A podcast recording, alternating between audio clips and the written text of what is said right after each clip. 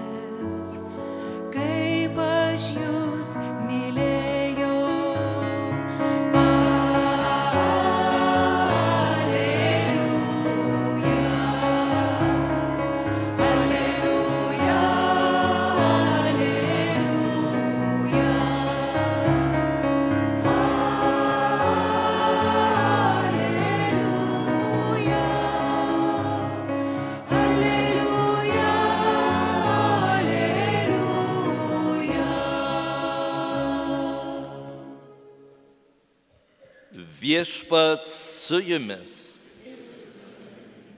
Pasiklausykite Šventojios Evangelijos pagal Luką. Anu metu Jėzus bylojo savo mokiniams. Jums, kurie klausotės, aš sakau, mylėkite savo priešus, darykite gerą tiems, kurie jūsų nekenčia, laiminkite tuos, kurie jūs keikia ir melskitės už savo niekintojus. Kas užgauna tave per vieną skruostą, atsuk ir antrąjį. Kas atima iš tavęs apseustą, negink ir marškinių. Duok kiekvienam, kuris prašo, duok ir nereikalauk atgal iš to, kuris tavo paėmė kaip norite, kad jums darytų žmonės, taip ir jūs darykite jiems. Jei mylite tuos, kurie jūs myli, tai koks čia nuopelnas? Juk ir nusidėjėliai myli juos mylinčius. Jei darote gerą tiems, kuriems gerą daro, tai koks jūsų nuopelnas? Juk ir nusidėjėliai taip daro. Jei skolinate tik tiems, iš kurių tikitės atgausia, koks jūsų nuopelnas, juk ir nusidėliai skolina nusidėliams, kad atgautų paskolą. Bet jūs mylėkite savo priešus, darykite gerą ir skolinkite nieko nesitikėdami, tuomet jūsų lauks didelis atlygis. Ir jūs būsite aukščiausiojo vaikai juk jis maloningas ir nedėkingiesiems ir piktiesiems. Būkite gailestingi, kaip ir jūsų tėvas gailestingas. Neteiskite ir nebūsite teisiami, nesmerkite ir nebūsite pasmerkti, atleiskite ir jums bus atleista, duokite ir jums bus duota.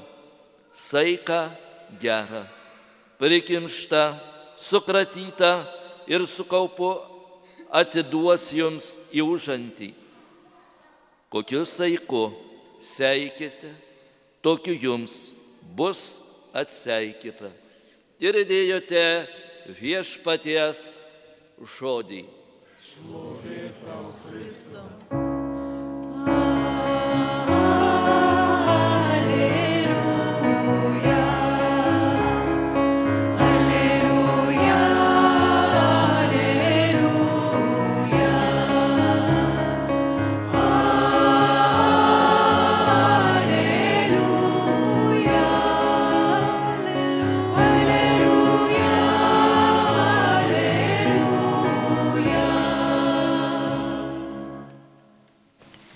Šiandien mums Dievo žodis iš ties iškelia nemažą iššūkį.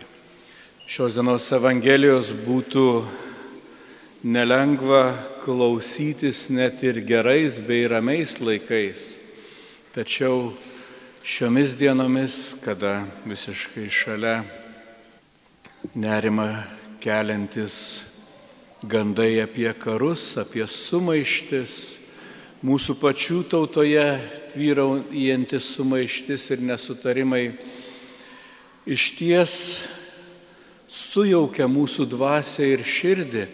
Ir kuomet išgirstame tos žodžius, kad štai mylėkite vienas kitą, atsukite kitą skruostą jūs kreudžiančiams, nori, nenori, kyla sumaištis ir pasipriešinimas širdė ir sakai viešpatie, bet juk reikia stabdyti neteisybę, juk reikia išsakyti tvirtą ir aiškę žinę, kad kažkur tvyro netiesa, melas, kad nėra teisybės.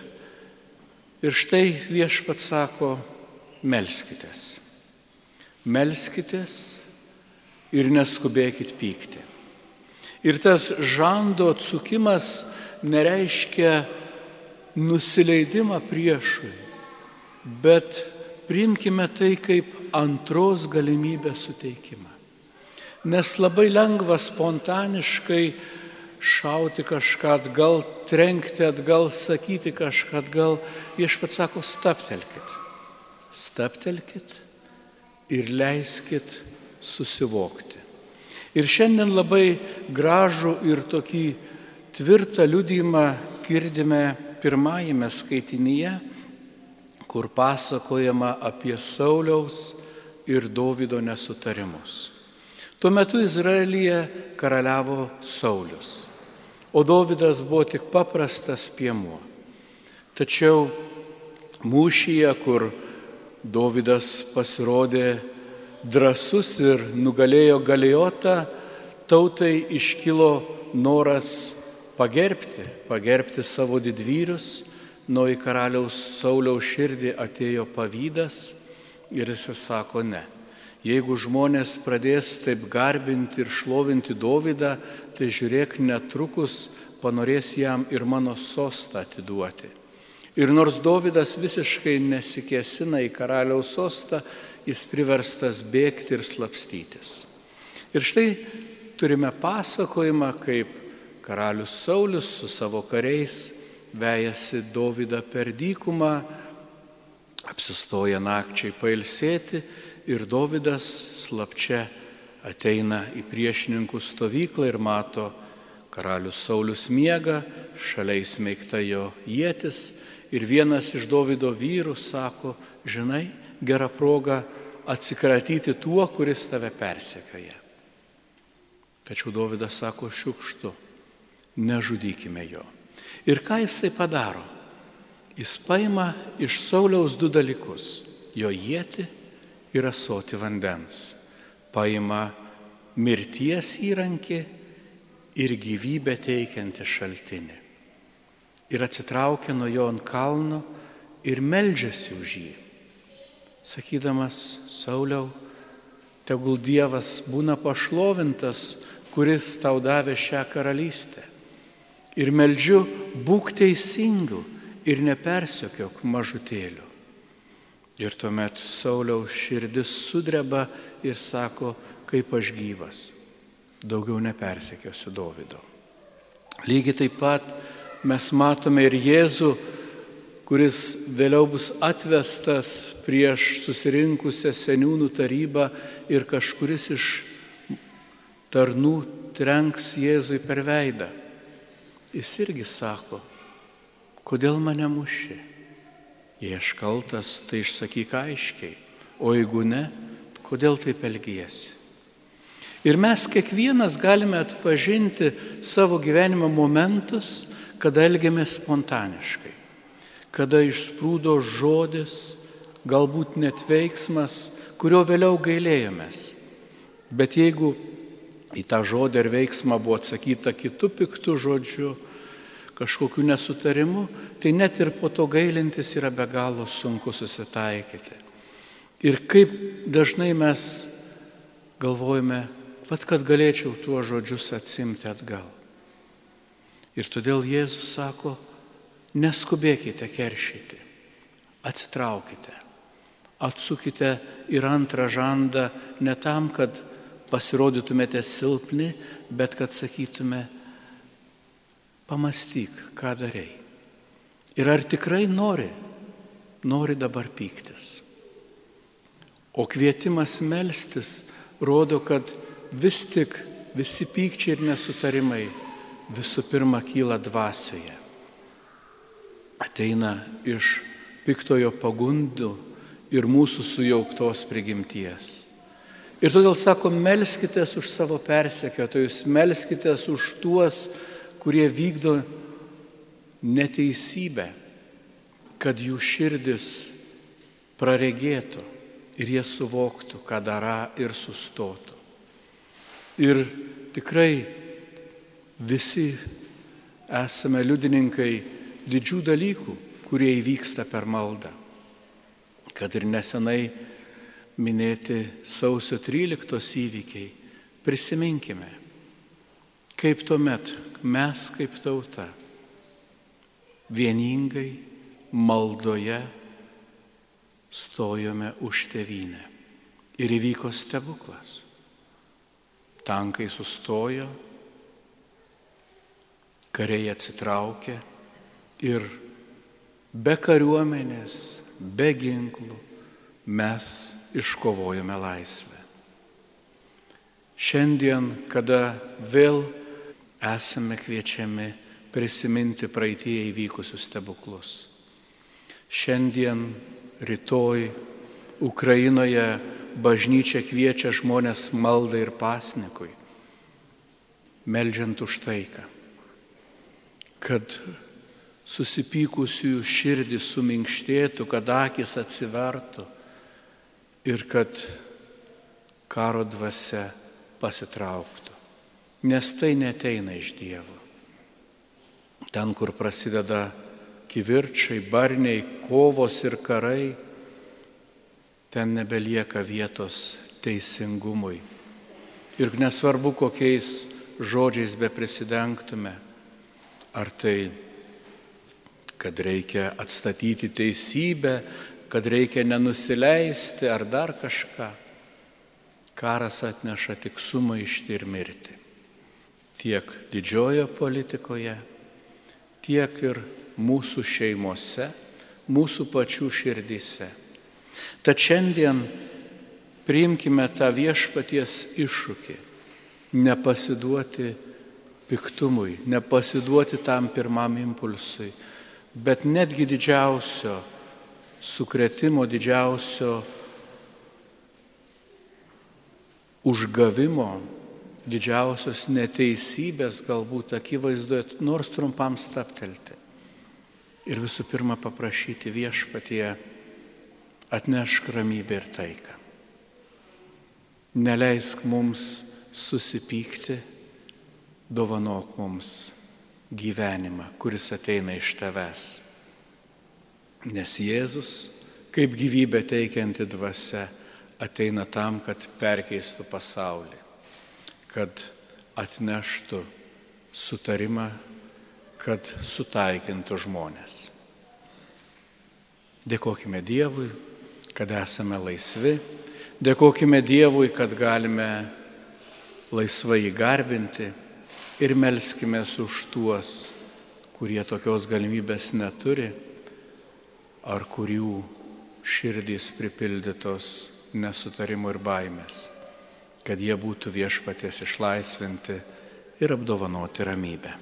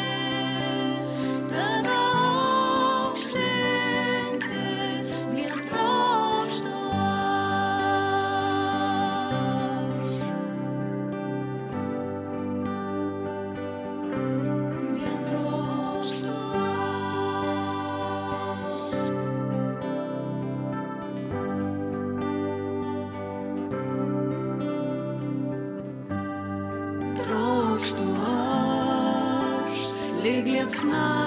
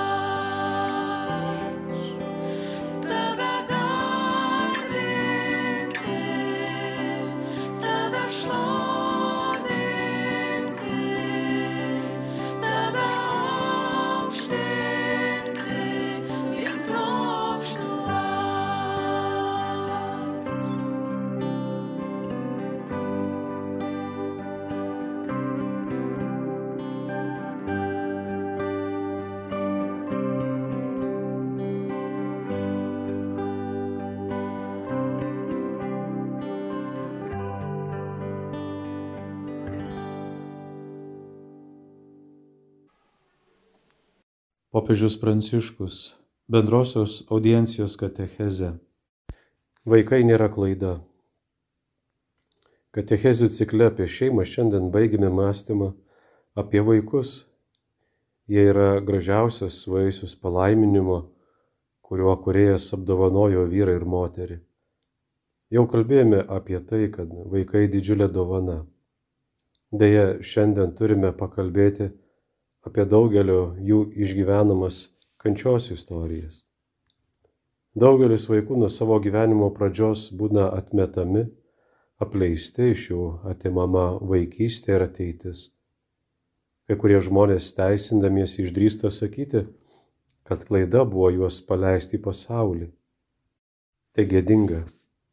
Nepermeskime vaikams savo kalčių. Vaikai niekada nėra klaida. Nėra klaida jų alkis, kaip ir jų skurdas, trapumas, apleistumas. Gatvėse tokia daugybė apleistų vaikų. Taip pat nėra klaida jų nežinojimas ar bejėgiškumas. Daugybė vaikų nežino, kas yra mokykla. Dėl to juos reikia dar labiau, dar didžiadvasiškiau mylėti. Ką mums reikia iškilmingų deklaracijų apie žmonių ar vaikų teisės? Jeigu po to baudžiame vaikus už saugusiųjų klaidas.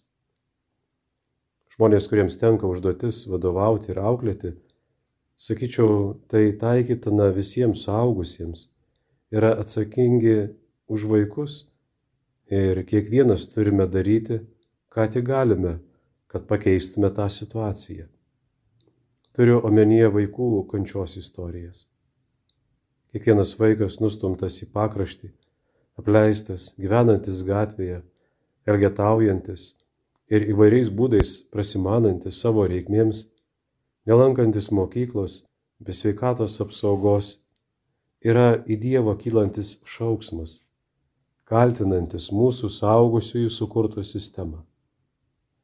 Deja, tie vaikai tampa grobiu nusikaltelių, kurie išnaudoja juos gėdingai priekybai ir kitiems sandėriams rengia karui ir moko smurto. Taip pat vadinamosiose turtingose šalise daugelis vaikų išgyvena dramas, kurios palieka gilius pėtsakus dėl šeimos krizės, auklėjimo spragų ir kai kada nežmoniškų gyvenimo sąlygų.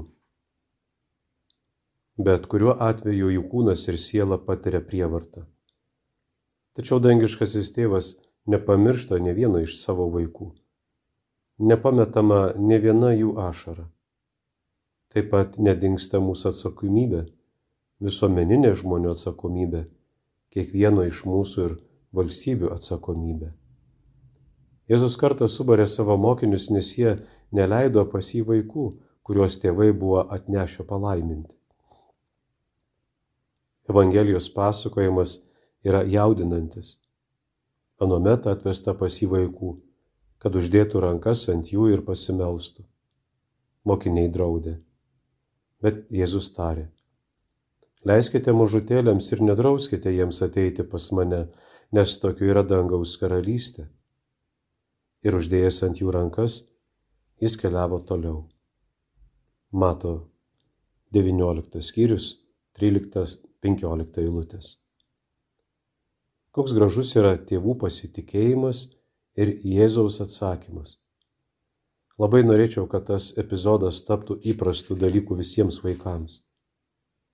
Tiesa, iš Dievo malonės vaikams turintiems didelių negalių labai dažnai tenka ypatingi tėvai, pasirengę didžią dvasiškai aukotis. Tačiau tokie tėvai neturėtų būti palikti vieni. Būtina lydėti juos jų rūpeščiuose, taip pat leisti jiems išgyventi bendro džiaugsmo ir nerūpestingo linksmumo akimirkas, kad jie nebūtų palikti vien terapijos rutinai. Kalbant apie vaikus, neturėtų būti vartojamas apsidraugeliškos, valdiškos formuluotės. Galų gale nesame labdaros institucija arba privačiame gyvenime kiekvienas gali daryti, ką nori. Arba mums labai nemalonu, bet nieko negalime padaryti. Kai kalbama apie vaikus, tokie žodžiai yra nereikalingi. Per nelik dažnai vaikai patiria nepastovaus ar menkai apmokamo darbo, nepakeliamų darbo valandų, prasto transporto padarinius. Vaikams taip pat tenka brangiai sumokėti už nebrandžias sąjungas ir nesakingus išsiskyrimus. Jie yra pirmosios aukos Jiems atitenka padariniai kultūros, kurioje perdėtai akcentuojamas individo teisės ir juos tai pirmą laiko subrandina. Dažnai vaikai turi sugerti prievartą, kurios jie neįstengia suvirškinti ir saugusiųjų akise jie yra verčiami priprasti prie moralinio nuosmukio. Mūsų laikais panašiai kaip ir praeitįje Bažnyčia savo motiniste tarnauja vaikams ir jų šeimoms. Ji neša mūsų pasaulio tėvams ir vaikams Dievo palaiminimą, motinišką jautrumą, tvirtą pakoregavimą ir ryštingą pasmerkimą. Dėl vaikų nejuokaujama. Įsivaizduokite, kokia būtų visuomenė, jei būtų kartą visiems laikams nutarta laikytis tokio principo. Tiesa, kad nesame tobuli ir dažnai klystame. Tačiau kai kalbame apie vaikus, ateinančius į pasaulį, jokia suaugusiųjų auka neturi būti laikoma per brangi ar per didelė, užtikrinant, kad joks vaikas negalvotų, jog jis yra klaida, bevertis, kad ne vienas nebūtų atiduotas gyvenimo sužeidimams ar žmonių arogancijai. Kokia graži būti tokia visuomenė. Tokia visuomenė būtų daug atleista, daugybė klaidų iš tikrųjų daug. Viešpats teisė mūsų gyvenimo pagal tai, ką jam sako vaikų angelai. Tie angelai, kurie visuomet regi dangiškojo tėvo veidą. Palyginti mato Evangelijos 18 skyrius 10 eilutė. Klauskime savęs nuolat. Ką Dievui pasakys apie mus vaikų angelai? Girdėjome septintojo eilinio sekmadienio Evangelijos ištrauką ir homiliją iš kretingos viešpaties apreiškimo švenčiausiai mergeliai Marijai bažnyčios. Homiliją sakė pranciškonas brolis Juozapas Marija Žukauskas. Antroje laidos dalyje popiežiaus pranciškaus katechezę šeimoms skaitė kunigas Aivaras Jurgilas.